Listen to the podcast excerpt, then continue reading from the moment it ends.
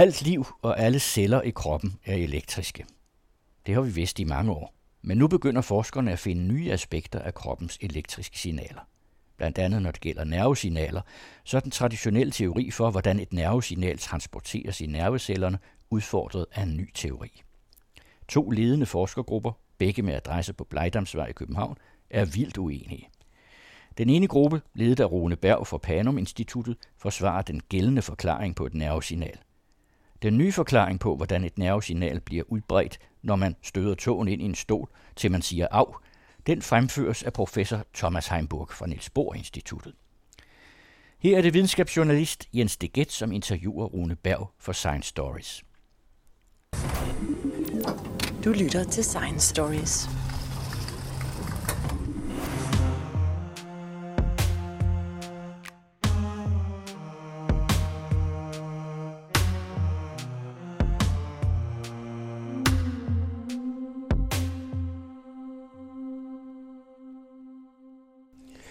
De færreste er måske klar over, at alt liv er elektrisk, og vi bruger cirka en tredjedel af kroppens energiforbrug til at opretholde de elektriske spændinger i kroppens celler. Alle vores sanser bygger på elektricitet. Vores hjerne og alle neuronerne er elektriske. For at komme til bunds i, hvordan den elektriske del af kroppen fungerer, så har jeg fået en forsker i studiet, som har studeret elektriske signaler i nerveceller i mange år. Det er Rune Berg fra Panum Instituttet. Og Rune Berg, al den elektricitet er ikke noget, man mærker til hverdag. Hvor elektriske er vi egentlig? Jamen altså, vi er ret elektriske. Som du siger, så har alle celler et elektrisk potentiale hen over deres membraner. Så altså celler de har en øh, lipidmembran, som man kalder det.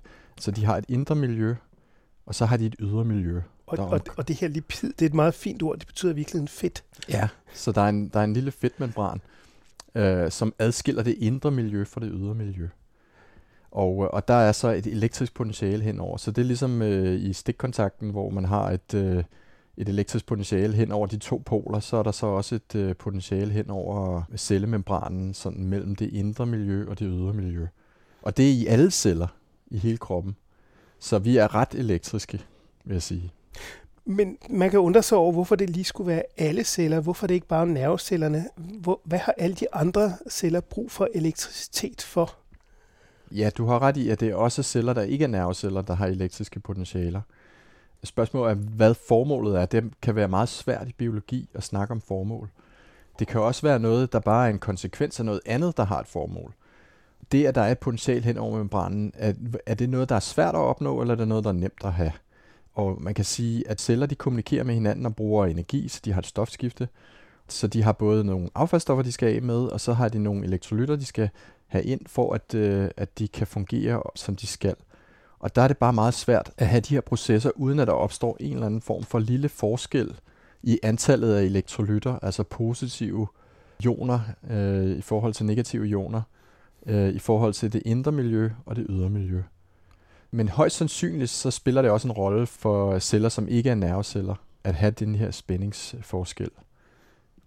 Ja, fordi at øh, cellerne gør meget mere end at transportere signaler. Øh, de holder sig for eksempel sig selv i live, og der foregår rigtig meget energiomsætning i cellerne, som foregår over membranen for eksempel. Ja, fuldstændig rigtigt. Så den der transport i forhold til det indre og det ydre miljø, der er det elektriske potentiale også vigtigt. Så de vil simpelthen ikke være i stand til at, at ernære sig og få cellens øh, funktioner til at fungere, hvis ikke at vi havde elektriske spændinger. Men jeg tænker på, noget af det vi så også har, det er jo for eksempel sådan nogle pumper, der sidder i membranen. Hvad gør de? Jamen altså, de er blandt andet med til at øh, sørge for, at der er en bestemt koncentration af bestemte elektrolytter. Det er hovedsageligt salte, altså det er almindeligt salt. Vi kender natriumklorid og kaliumklorid. Så det bliver splittet op i øh, kloridioner og, og kaliumioner og natriumioner. Det er de vigtigste komponenter, så er der så også calciumioner. Og så øh, at transportere dem frem og tilbage, det sker ved, altså den her gradient, eller den her forskel i koncentrationer mellem det indre og det ydre, den bliver opretholdt af nogle pumper, der sidder i membranen. For at kunne have den her øh, forskel i koncentrationer, så, så skal man så bruge en lille smule energi, og det er der, som du sagde tidligere, at kroppen bruger noget energi på at opretholde de her gradienter. Og det, og det er så de pumper, der omdanner, altså essentielt set øh, laver øh, sukker om til øh, gradienter i ja, elektrolytter, mm. som en af de ting, som vi gør. Ikke? Så når vi spiser mad, så kommer det ind.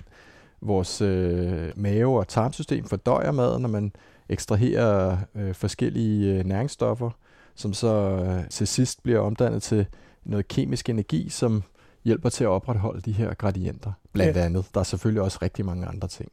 Det bliver nedbrudt til, til glukose, som ja. så indgår i en, i en proces, der så øh, skaber nogle energirige stoffer, der går ned og, og med til at drive pumperne i virkeligheden. Ja. Og så kan man sige, at de her proteiner, øh, der sidder i, i cellemembranerne, de er jo skabt af vores øh, arvemateriale, vores DNA.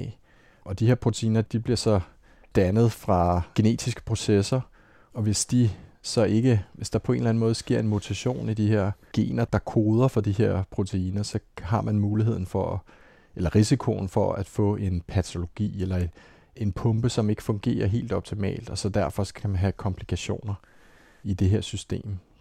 Men jeg tænker også på, at når vi nu har alle de her elektriske celler i hele kroppen, det må da være noget meget fundamentalt. Altså, er der slet ikke nogen organismer ude i det store system, altså planter eller svampe eller bakterier, som øh, fungerer uden elektricitet? Øh, selv planter og bakterier har også et membranpotentiale. Og de kan også bruge det, blandt andet planter kan bruge øh, det membranpotentiale til at kommunikere. Altså de forskellige celler i en plante kan bruge membranpotentiale til at kommunikere for eksempel kødædende planter. Når der kommer en flue og sætter sig, så danner den et, et sensorisk input.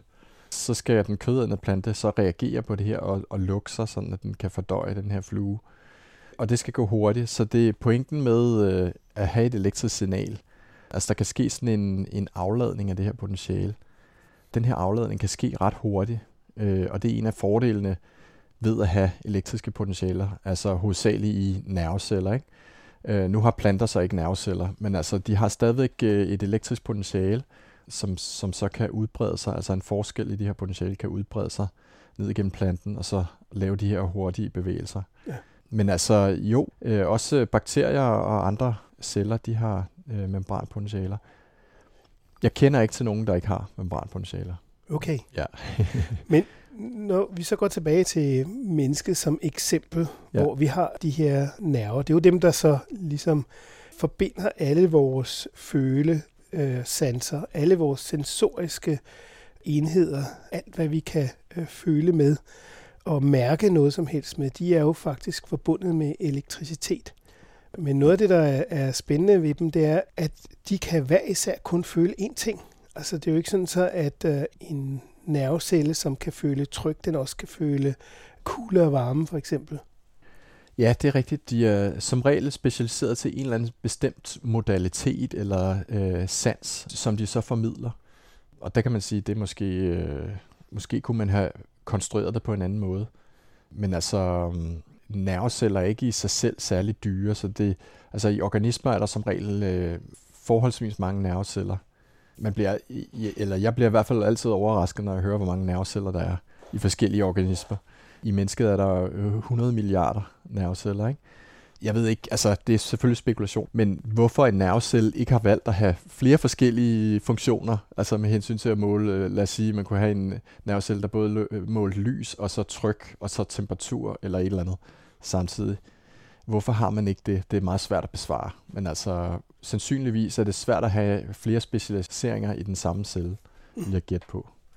Men noget af det, du arbejder med, det er netop flere nerveceller, hvordan de fungerer sammen i kroppen. Kan du fortælle lidt om det? Ja, vi har så mange nerveceller i, i kroppen, og nogle af dem er, er sensoriske celler, som du siger. Men faktisk er det en meget lille del, der er sensoriske celler. De fleste de sidder inde i vores centralnervesystem. Og øhm, specielt oppe i, i storhjernen er der rigtig mange celler, øh, der sidder i, også i lillehjernen i øvrigt. Men altså, det sidder centralt og ikke har ikke en øh, direkte sensorisk eller motorisk øh, relateret funktion. Så man bliver hurtigt sti- øh, konfronteret med det spørgsmål, hvad, hvad skal vi med alle de celler? Og når man så ser på vores adfærd og alle de funktioner, vi kan, og hvor komplekse vi er, altså også simple dyr som altså altså lavere stående dyr, men altså insekter og sådan noget, det er jo også utroligt, hvad de kan lave. Det er svært at få en robot til at gøre det samme komplekse adfærd, som en æderkop kan. Men altså, hvordan laver nervesystemet en bestemt funktion? Og det er svært at forestille sig, at det skal være på cellulært niveau, fordi de funktioner, en, en enkelt celle har, er relativt begrænset i virkeligheden. Altså som vi snakker om, de kan sende e-, enkelte signaler ud, at det kan processere input, og så kan det sende enkelte signaler ud. Lidt på samme måde som en, øh, en transistor i en computer.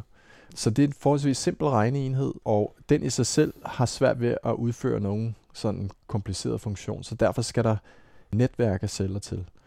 Og øhm, øh, netværk af celler, øh, hvordan de producerer en funktion, hvordan de orkestrerer sig og organiserer sig, det er, er ikke særlig godt forstået i øh, neurovidenskab eller hjerneforskningen. Så det er en af de ting, jeg arbejder på. Og der taler du ikke om hjernen, men du taler simpelthen om øh, de nerveceller, som sidder andre steder i kroppen. Altså, det er sådan set helt generelt interessant, hvordan netværk de producerer funktioner. Øh, sådan set uanset om, øh, hvor i kroppen det, det er. Øh, jeg arbejder mest med det motoriske system, så det vil sige, det er øh, rygmarven og, og midthjernen, og så også øh, øh det motoriske område af hjernebarken og cerebellum. Men, men øh, noget af det, som man umiddelbart godt kunne forestille sig, det var, at øh, Øh, alle de her signaler bliver sendt op til hjernen, og så finder hjernen ud af, hvad den skal gøre med den, og så gør man et eller andet. For eksempel, hvis man slår sin store tog, så ved man, at der sidder en, en lang nerve, som, uh, som ender deroppe et ja. sted. Men i virkeligheden, så er der også nogle små kortslutninger, som gør, at nerverne selv kan finde ud af, hvordan de skal reagere, og, og reagere før, end at hjernen overhovedet finder ud af, hvad der er galt. Ja, Jamen, det er rigtigt. Altså, det, det er også um, lidt det, man kalder reflekser. Altså man har sådan nogle meget øh, hurtige reflekser, der foregår på sådan forholdsvis lavt niveau. Altså øh, sådan, at man ikke involverer for meget af de der de processer i, i storhjernen, som tager lang tid. Fordi hvis der er noget, der skal gå hurtigt, for eksempel hvis man træder på øh, et søm eller øh, sætter hånd på en kogeplade, så skal man fjerne øh, hånden hurtigt, og derfor har man ikke tid til at øh, ligesom involvere de der kognitive, sådan meget sådan højere processer, som tager lang tid processer, altså det betyder ikke, at, at de højere kognitive processer ikke får besked omkring de her sensoriske input, men bare at der er forskellige niveauer i, eller forskellige hierarkier i aktivitet og øh, funktioner. Så når man, når man træder på et søm, så øh, når foden måske at reagere, at det her gør så ondt, før end, end man mærker det op i hjernen. Men hvordan gør den egentlig det? Når du træder på et søm, så foregår der noget, noget smertereception, det vil sige, der er nogle specialiserede øh, receptorer eller, eller nervecelleender, øh, som opfanger de her smerteinput, og som så sender direkte input op til forskellige steder i, i rygsøjlen. Og så kan det øh, sende en respons tilbage til de muskler, der styrer benet for eksempel. Ikke? Og så kan man hurtigt trække benet til sig. Men jeg tænker bare, altså er det sådan, man forestiller sig, at der sidder måske en slags øh, øh, lille decentral hjerne øh, dernede i rygmagen, som rent faktisk kan svare igen, uden at skulle spørge øh, den store fætter, der sidder oppe på toppen af hovedet? Ja, ja, i høj grad, vil jeg sige. Altså, øh, man kan sige nu, nu øh, du kommer lidt ind på emnet omkring øh, beslutningsprocesser og ens øh, bevidsthed, ikke? Altså det der med, at øh, at vi føler, at vi har et jeg, og vi, vi kan kigge rundt og så tage en beslutning om et eller andet. Det er sådan en meget høj kognitiv proces, altså som, som øh, øh, kræver rigtig meget processering. Og den her bevidsthed eller over-jeg, den er ikke involveret i, i særlig mange processer, fordi den netop tager så meget øh, øh processeringskraft og er forholdsvis langsom. Så derfor er de fleste beslutninger, der bliver taget, bliver for, foretaget på meget, meget lavt niveau.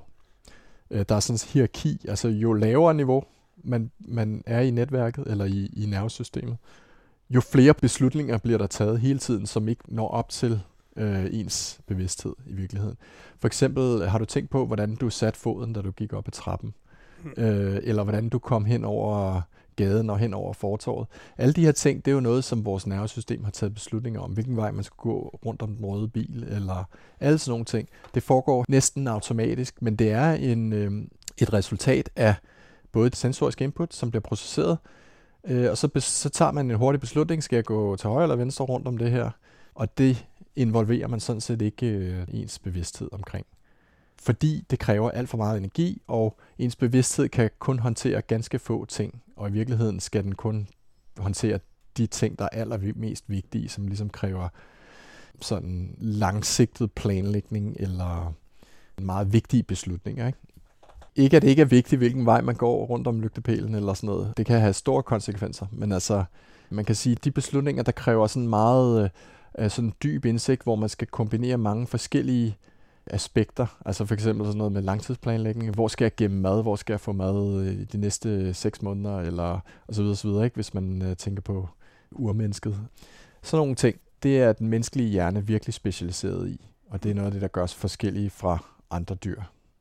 Men jeg synes jo, det er ret interessant, at man ud over hjernen, som vi jo altid har opfattet som stedet, hvor tingene foregik, at man rent faktisk har øh, de her måske reflekser. Kunne man forestille sig, at det som sportsfolk i virkeligheden gør, hvis du forestiller dig en bordtennisspiller eller en karatemand, som øver de samme bevægelser hele tiden, dag ud, dag ind, at det de måske i virkeligheden gør, det er, at de, øh, at de træner deres anden mm. bevidsthed, altså deres ja. måske kropslige bevidsthed. Ja, ja, lige præcis. De træner motoriske programmer, hvordan de skal reagere, når bolden kommer, hvordan skal de så styre, øh, eller hvad det nu er for en sport. Men altså karate, hvis man nu ser en hånd, der kommer, og hvis modparten ligesom løfter benet, så ved det, okay, nu kommer der et slag fra højre side, eller sådan noget, så skal man træne en, en parade, eller hvad ved jeg. De her sådan forholdsvis komplekse bevægelser, og en sekvens af aktivitet kan trænes øh, på forhånd, og sådan at man ligesom får det forbedret, og det ligger mere, altså man ikke behøver at involvere de sådan højrestående motoriske funktioner, men at det ligesom kører nemmere. Men, men ved man, hvor meget det hjælper at træne de her ting? Altså, hvor meget kan man gøre sig selv bedre og hurtigere ved at gøre øh, sig uafhængig af hjernen, så at sige? altså, man plejer at sige, jo mindre man skal tænke, jo bedre altså sin ens bevidsthed og få involveret ens bevidsthed. Jo mindre man kan involvere den, jo bedre bliver man til noget. Fordi det er, er ligesom at sige, okay, nu skal jeg passe på, hvor jeg sætter min fod, og, og have sådan en, en øh, generel bevidsthed omkring bevægelsen det skaber en form for forsinkelse, og det betyder bare, at bevægelsen ikke bliver så god. Så jo mere man ligesom kan træne af de her sekvenser på forhånd, øh, jo bedre vil man være til det. Så man ikke bruger sin bevidsthed til noget, som den ikke er så god til. Altså den er som regel god til at indlære noget, så sige, okay, nu skal jeg tænke på, øh, når jeg skal lære at køre bil, at øh, okay, jeg skal trykke koblingen ned, inden jeg trykker på speederen og sådan nogle ting. Ikke? Men, men nu tænker jeg også på en anden ting, som jeg har hørt. Jeg ved ikke, om det er helt korrekt, men jeg har selv fornemmelsen af, at hvis der er en eller anden meget stor skuffelse, eller et eller andet, som virkelig ikke øh, gik, som man havde forestillet sig, så kan man godt mærke sådan et stik i hjertet, eller stik i brystet. Har vi sådan en slags skuffelses- eller samvittighedscenter der? Altså hvis du oplever et eller andet, der skaber meget øh, kraftigt følelsesmæssigt respons, eller følelsesmæssig reaktion, at det kan sætte sådan nogle autonome processer i gang. Blandt andet ens øh, hjerterytme begynder at slå hurtigere. Og altså hvis man for eksempel øh, hører, at et familiemedlem er død, eller sådan et eller andet, ikke? at man så, så bliver helt ude af den, og øh, at det sandsynligvis skaber et massivt øh, aktivering af forskellige øh, netværk i hjernen. Altså så sker jo det, at et øh, nervenetværk er ikke kun et nervenetværk, det kan også have mange forskellige tilstande. Og det er derfor, man har neuromodulatorer, altså nogle stoffer, som kan påvirke aktiviteten i de her netværk. Og der er det de her forskellige øh, monoaminer er meget vigtige, altså dopamin og serotonin og det er de signalstoffer, ja. som, som styrer de ja. øh, processer, der foregår i, i, i nervecellerne. Ja, lige præcis. Og så vidt jeg ved, så er hjertet et af de steder, som jo rent faktisk også pumper hele tiden, uanset hvad. Altså, den har sin egen styre-reflekskontrol, mm-hmm. der gør, ja. at, at det bliver ved med at pumpe, men det er ikke noget, man skal tænke dybt over. Nej, nej, det er rigtigt. Øh, hvis man holder op med at tænke, eller hvis man, hvis man falder i søvn, så slår hjertet stadigvæk. Ja. Men jeg tænkte også på, at den måde, nervecellerne fungerer på, det har jo sin egen funktion. Altså, at de er i stand til at svare på signaler, og også gruppere sig og fungere samlet i grupper, mm-hmm. er jo også ret, ret fantastisk. Ja, men det er en af de største mysterier i videnskaben, er i virkeligheden, hvordan celler de øh, samler sig til en kollektiv enhed. Altså det er ikke kun i neurovidenskaben, det er sådan set i biologi helt generelt. Hvordan kan man have en stor samling af celler, der ved at interagere med hinanden kan skabe en organisme. Altså nu sagde du før det der med reflekser, at, at vi tager en beslutning, eller om det bliver taget på lavere niveau. Men i virkeligheden er det jo, hver alle niveauer er jo altså os, ikke? Vi er jo også øh, vores mm. øh, rygmarv, eller altså, og, og det er det der med, at vi har sådan en forståelse af os selv og biologiske væsener som sådan en, en enhed. Altså, at vi er centraliseret, men det er vi på ingen måde. Vi er decentraliseret. Vi er store parallelprocesser. Og hvad betyder det? Det betyder, at, at vi har en masse milliarder af celler, som fungerer med hinanden som en helhed. Ikke? Og hver af de enkelte celler har ikke rigtig nogen betydning for mm. helheden, men til sammen så kan de generere en funktion. Og i, i høj grad også i nervesystemet, altså hjernen, der er det gældende. Altså man har alle de her celler, der fungerer sammen og producerer en, en funktion, eller rigtig mange funktioner. Og det er en af de mysterier i videnskaben, det er, hvordan øh, biologiske organismer de er i stand til at gøre det her. Altså vi har nogle idéer om det, ikke? Men altså, der er sådan en, en, en sjov organisme, sådan en amøbe, som hedder Dictastilium. Der er sådan en øh, slags øh, slimsvamp, hvor der er rigtig mange øh, amøber, som fungerer uafhængigt af hinanden, når der er masser af mad til stede. Altså når der er masser af sukker, ikke? der hvor de er, eller, eller hvad det nu er, øh, plantemateriale. Men når de så begynder at løbe tør for mad, så samler de sig, de her enkelte amøber, og bliver til en hel organisme. Så det vil sige, at de får sådan en kollektiv intelligens. Det er meget øh, interessant at se sådan, eller meget fascinerende at se sådan nogle videoer. Man kan finde dem på YouTube. Men altså, de her amøber, de søger hen mod hinanden, så finder de sådan et centrum, og så vokser der sådan en stilk op, hvor der så øverst oppe i den her stilk, der sidder der så nogle sporer, som så kan blive øh, samlet op af en, en eller anden øh, lille bille, der kravler rundt, og så kan det blive transporteret et andet sted hen. Men den der overgang, der er mellem, at øh, amøberne de fungerer som selvstændige celler, til at de lige pludselig bliver sådan et kollektivt væsen, hvor hver celle ligesom har deres øh, forskellige roller. Altså der er nogen, der, der er rødderne i den her stilk, og der er andre, der er stilken, og så er der dem øverst op, som er sporene. Ikke? Det er ret fascinerende, og på en eller anden måde så fanger det det der mysterium i biologi og i, i øh, hjerneforskning i det hele taget. Altså hvordan man kan få sådan nogle processer og funktioner, som kommer ud af helheden. Altså at man har rigtig mange celler, der virker sammen, kan man så få en overordnet funktion altså vi er ikke så langt endnu med at forstå det. Blandt andet bevidsthed, vil jeg sige, mm. øh, eller øh, opmærksomhed og sådan nogle ting. Det er også nogle af de processer, som er svære at forstå. Jeg har hørt, det findes allerede på, på meget, meget, meget primitivt niveau på bakterier, for eksempel. At bakterierne faktisk øh, kan mærke på deres omgivelser, hvor mange bakterier der er mm-hmm. af samme type. Ja. Og hvis man for eksempel forestiller sig en fisk, som ligger der og ikke er i køleskabet, at på et tidspunkt så når øh, bakterierne en vis koncentration, og så signalerer de simpelthen til hinanden, at nu nu bliver vi toksiske, nu bliver vi mm. giftige, ja. og så begynder de at producere mere gift, og derfor så kan fisken det ene øjeblik være relativt frisk, og det andet øjeblik ja. det modsatte, ja. altså ganske råden. Ja. øh, så man kan nogle gange se sådan nogle fænomener, hvor at, at mange små organismer i virkeligheden har mekanismer til at arbejde sammen. Og det er vel i virkeligheden det, man kalder neurale netværk. Ja, men det er helt rigtigt, og det er ret interessant. Det er også det i neurovidenskaben, at der er sådan en øh, slags deling mellem at enkeltcellefunktioner og så netværksfunktioner. Altså vi har i rigtig mange år haft det indtryk, at enkelte celler har en meget, meget stor betydning. Altså de processer, der foregår i enkelte celler, er sådan afgørende for helheden. Ikke?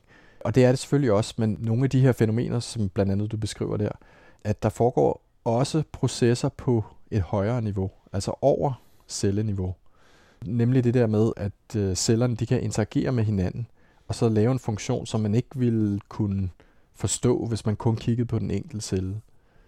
Øh, lidt på samme måde som hvis man har en, en, øh, et, et fjernsyn, og man kigger på den enkelte pixel i sådan et fjernsyn. Ikke? Hvis du kun kigger på én pixel, så vil du ikke kunne forstå, hvad der bliver vist.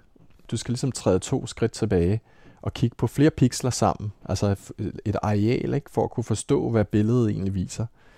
Og det tror jeg også, at, at øh, er altafgørende for at kunne forstå ikke bare sådan hjernen og hjerneforskning, øh, men, men biologi helt generelt.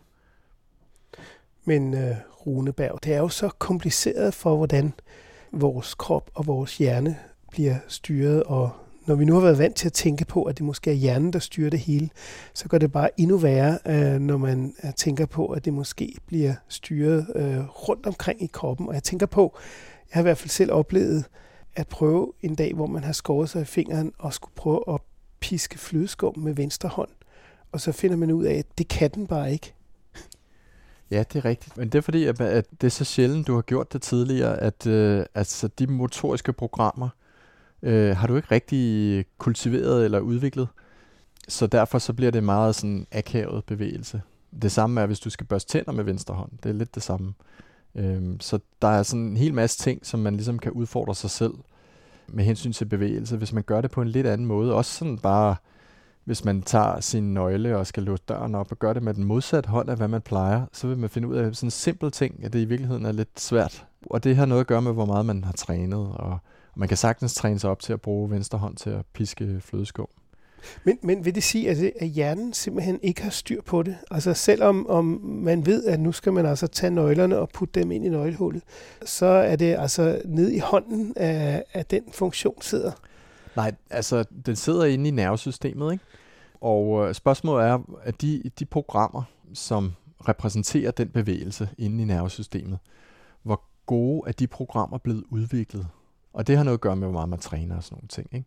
Så det vil sige, hvis du gør en bevægelse, som du ikke er vant til at gøre, så vil bevægelsen ikke være særlig øh, veludviklet. Og, og det er typisk, hvis du ikke har gjort det før. Og grunden til formodentlig, at det er sådan, det er, at øh, nervesystemet bruger ikke ressourcer på ting, som man ikke gør særligt tit. Altså, det prøver ligesom at optimere, hvad den bruger sine synapser på, eller sine forbindelser og sine nerveceller på. Ikke? Så de bevægelser, som man øh, meget sjældent laver, de er så bare ikke særlig veludviklet, mm. øh, naturligvis. Men det sidder, det sidder centralt i, i nervesystemet, ikke? så det vil sige, mange af de sådan simple former for bevægelser, de bliver genereret i, i rygmarven, og så bliver det ligesom højere op i, i centralnervesystemet, altså i, i hjernestammen og i, i øh, storhjernen, bliver de her forskellige dele af bevægelsen sat sammen til en helhed. Så det vil sige, at man, man kan ligesom forestille sig forskellige moduler, som bliver sat sammen til sådan en sekvens. Ikke? Så, så sekvensen og timing og alle de her ting, det foregår i sådan en kompliceret proces mellem, specielt når det er en, en ny form for bevægelse, så foregår det mellem øh, de motoriske områder i jernbakken, øh, sammen med øh, nogle områder, der ligger nedenunder jernbakken, kaldes basalgangerne, og, øh, og så cerebellum og rygmarven. Okay. Men jeg, jeg tænker på en helt anden ting, og det kan undre mig uh, rigtig meget også, fordi at jeg spilder jo altså uh, cirka en tredjedel af min tid med at ligge i min seng og sove. Og jeg undrer mig lidt over, at uh, kan de der nerver dog ikke finde ud af at springe det der over, uh, så jeg kunne læse nogle spændende bøger og lære noget nyt, se alle de uh, serier tv, som jeg ikke har fået set og så videre. Mm. Hvorfor har vi overhovedet brug for at sove? Hvad, hvad går det ud på? Ja, men altså, det er også en af de store mysterier, øh, hvorfor man skal sove så meget, og lige hvorfor det lige er den længde, man skal sove. Øh, altså hvorfor det er en tredjedel af ens liv, og hvorfor ikke kun 10 procent. Eller der er store indikationer på, at det har noget at gøre med øh, homeostase, altså opretholdelse af, af de forskellige funktioner. Altså bruger sin hjerne og er vågen og opmærksom og, og udfører sine funktioner, så har man også af og til brug for at øh, tage en pause og ligesom genskabe nogle af de her ligevægte, som måske er kommet lidt ud af ligevægt. Ikke? Og det kan være øh, alt fra synapseforbindelser til øh, oprydning af i det, i det rum, der ligger uden for cellerne, altså det ekstracellulære rum. Der kan godt være nogle affaldsstoffer, der skal transporteres væk og den slags ting. Ikke? Og det kræver, at, at kroppen får mulighed for at, at opretholde og gendanne de, nogle af de her ligevægte, som, som er vigtige. Og øhm, det er det ene. Det andet er det, man kalder konsolidering af, af hukommelse, eller øh, lagring af hukommelse. Der er sket en masse ting i løbet af dagen, og nogle af de her ting vil man gerne huske. Og, og, den, og den proces, den her læring af hukommelse, sker blandt andet øh, under søvn. Så det er også vigtigt for det, og det mener man også er, har noget at gøre med de synaptiske forbindelser. Altså hvilke, hvilke neurale kredsløb der er i hjernen, og og, og hvordan øh, de kredsløb løber, det kan være med til at skabe de her hukommelsespor i ens øh, hjerne. Så, så man laver simpelthen helt konkrete spor op i hjernen, altså nervecellerne forbinder sig til hinanden på måder, som gør, at man husker øh, nogle bestemte ting, man har lært. Ja, ja. man ved ikke præcis, hvordan det foregår, øh, men, men som regel er det noget med at øh, sammenkæde eller sammenknytte forskellige sensoriske modaliteter. Sådan noget som øh, lugtesans og, og hørelse og, og så videre, som også er vigtigt, når man skal genkalde hukommelser øh, eller erindringer. Altså det der med, at, øh, at man har ting, der umiddelbart ikke har noget med hinanden at gøre. Øh, at det kan hjælpe en til at huske noget. Altså en meget, en meget, meget stærk erindring har man ofte, når man øh, med ens lugtesans. Altså man kan lugte et eller andet, man kommer ind i et rum, man ikke har været i øh, i lang tid, og så kan man lige pludselig genkalde en masse erindring omkring noget, der ikke umiddelbart har noget med lugten at gøre, men, men har noget at gøre med helheden omkring den her øh, situation.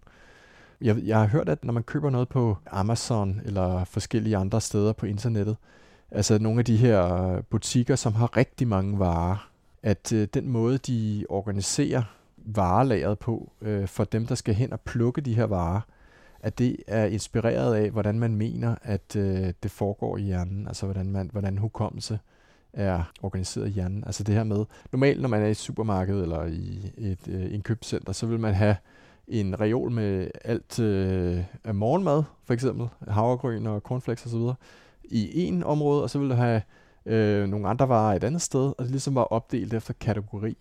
Men den måde, som Amazon øh, organiserer deres varer, er mere sådan, at de har varer, der ikke har noget med hinanden at gøre, lige ved siden af hinanden, sådan at når plukkeren kommer, at vedkommende siger, okay, jeg skal have en, øh, en skruetrækker, eller et eller andet, ikke? som kunden har bestilt. Så er der kun én skruetrækker, og så ved siden af er der noget, der ikke har noget med værktøj at gøre, for eksempel. Sådan at det er svært at begå fejl med hensyn til, hvilke varer man plukker. Og øhm, øh, sandsynligvis er det lidt de samme principper, der ligger til grund for hukommelse i hjernen. Altså det her med, at man har ting, der ikke har noget med hinanden at gøre umiddelbart, bliver læret i forbindelse med hinanden. Så det er svært at komme til kernen i det her med, øh, hvordan hukommelse bliver læret. Generelt. Så hvis man lige pludselig står med en skruetrækker i hånden og åbner sit køleskab, ja. så kan man tænke på Amazon. Ja. Men jeg tænkte også på en anden ting, som jeg synes har været rigtig, rigtig spændende at følge her de senere år. Det er jo, at der er nogen, især fysikere, som har udfordret jer neuroforskere på noget af det mest centrale omkring neuroforskning, netop hvordan øh, signalerne foregår i nervecellerne. Og det, der er spændende, det er jo, at, at man har haft en model og en teori for, hvordan det her foregår i, i snart 80 år, og, øh, og lige pludselig kommer der nogen og siger, nej, det er slet ikke det, der sker. Kan du forklare, hvordan det er jeres opfattelse af øh, signaler, der bliver sendt i nerveceller?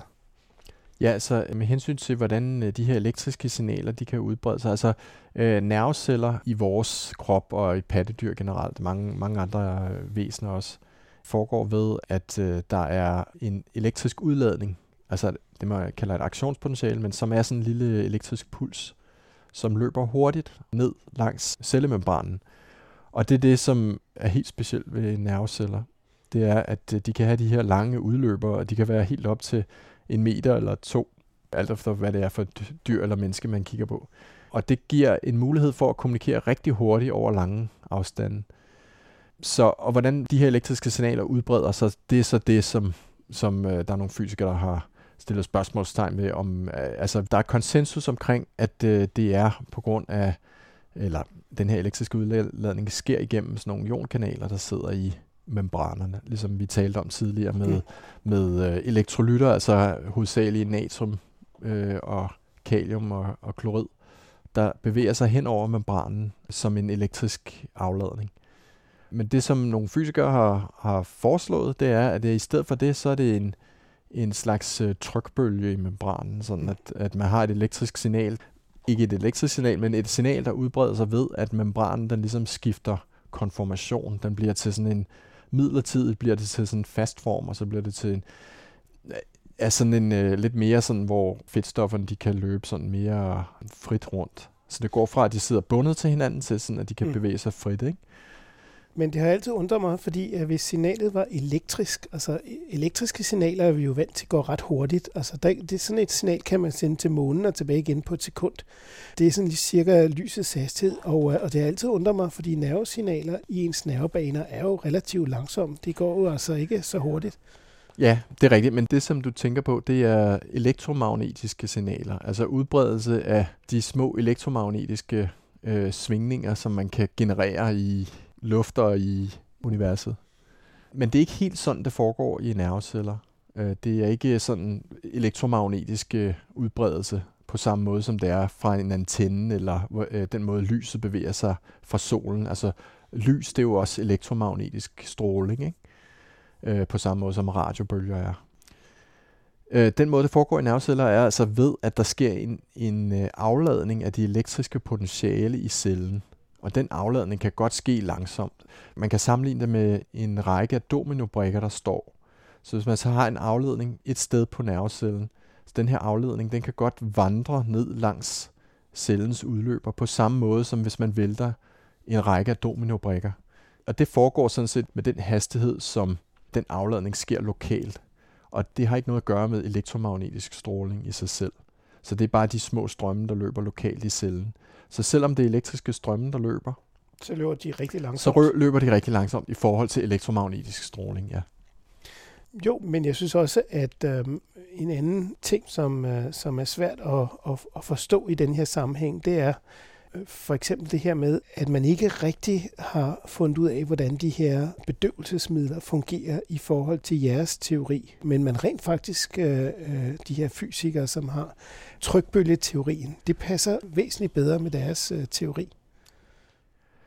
Ja, det er rigtigt. Nogle af de her bedøvelsesmidler, de øh, fungerer ved, at de påvirker fedtstoffers øh, egenskaber, ikke? Og, og celler, de har fedtstoffer, som er, altså de har øh, lipider i deres cellemembran, og det, det er jo der, hvor signalet udbreder sig, så derfor så, hvis man kan påvirke deres egenskaber, så kan det påvirke, hvordan de her elektriske impulser, de udbreder sig. Det er måske lidt voldsomt at sige, at det ikke hænger sammen med den der tanke om, at det er øh, lokale elektriske strømme, der løber hen over membranen.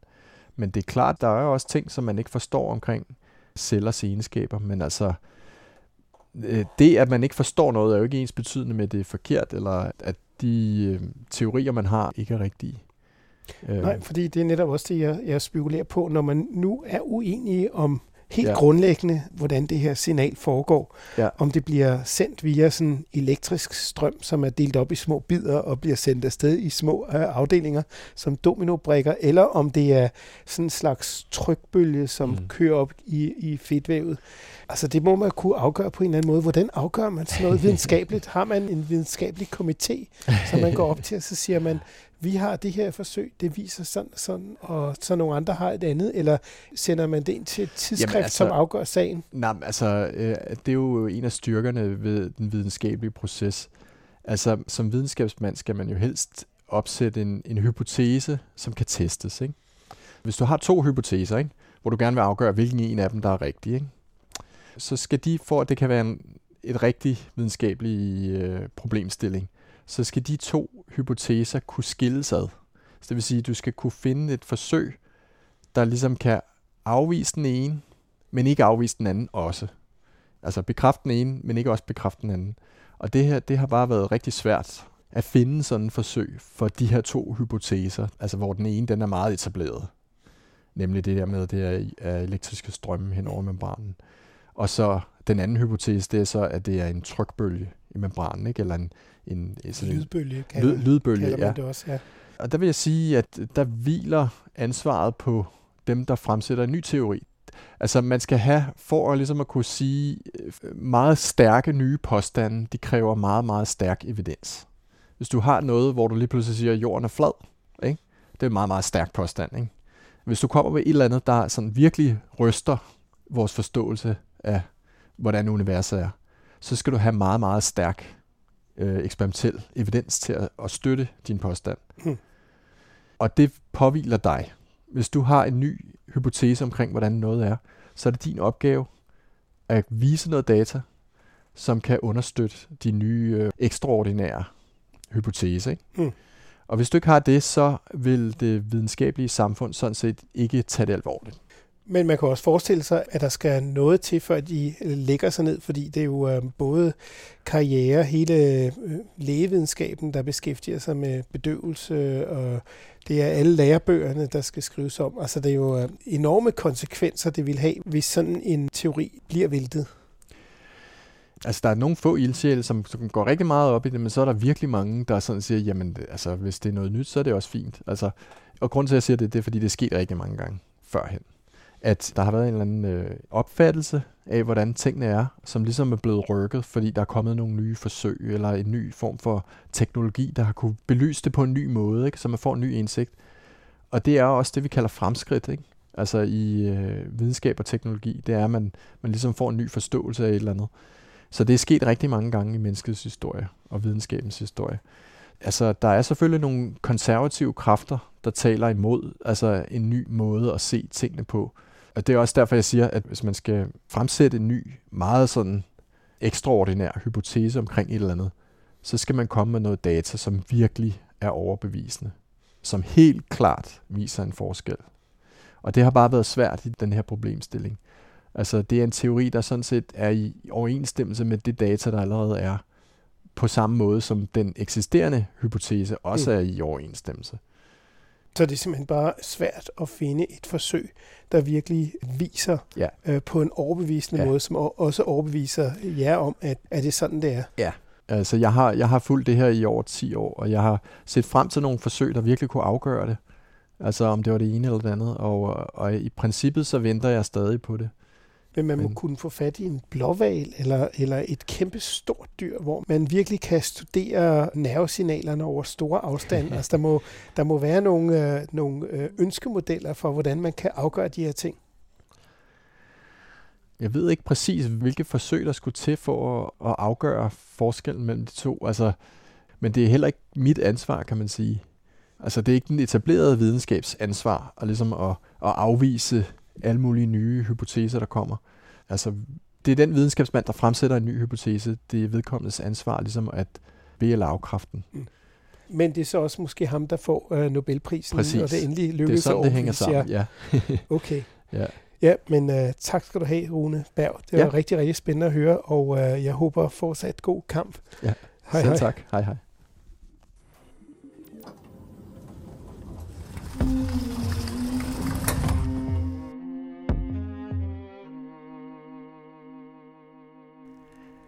I et senere program med titlen Nerverne virker måske ikke som vi troede, taler Jens Deget med professor Thomas Heimburg om, hvordan fysikerne på Niels Bohr Instituttet ser på nervecellers udbredelse. Hvis Thomas Heimburg har ret, skal lærebøgerne skrives om, og måske skal vi se helt anderledes på, hvordan smertestillende medicin virker. Både dette program og det næste i serien kan findes som podcast på den anden radio og Science Stories websider. På henholdsvis den2radio.dk og sciencestories.dk.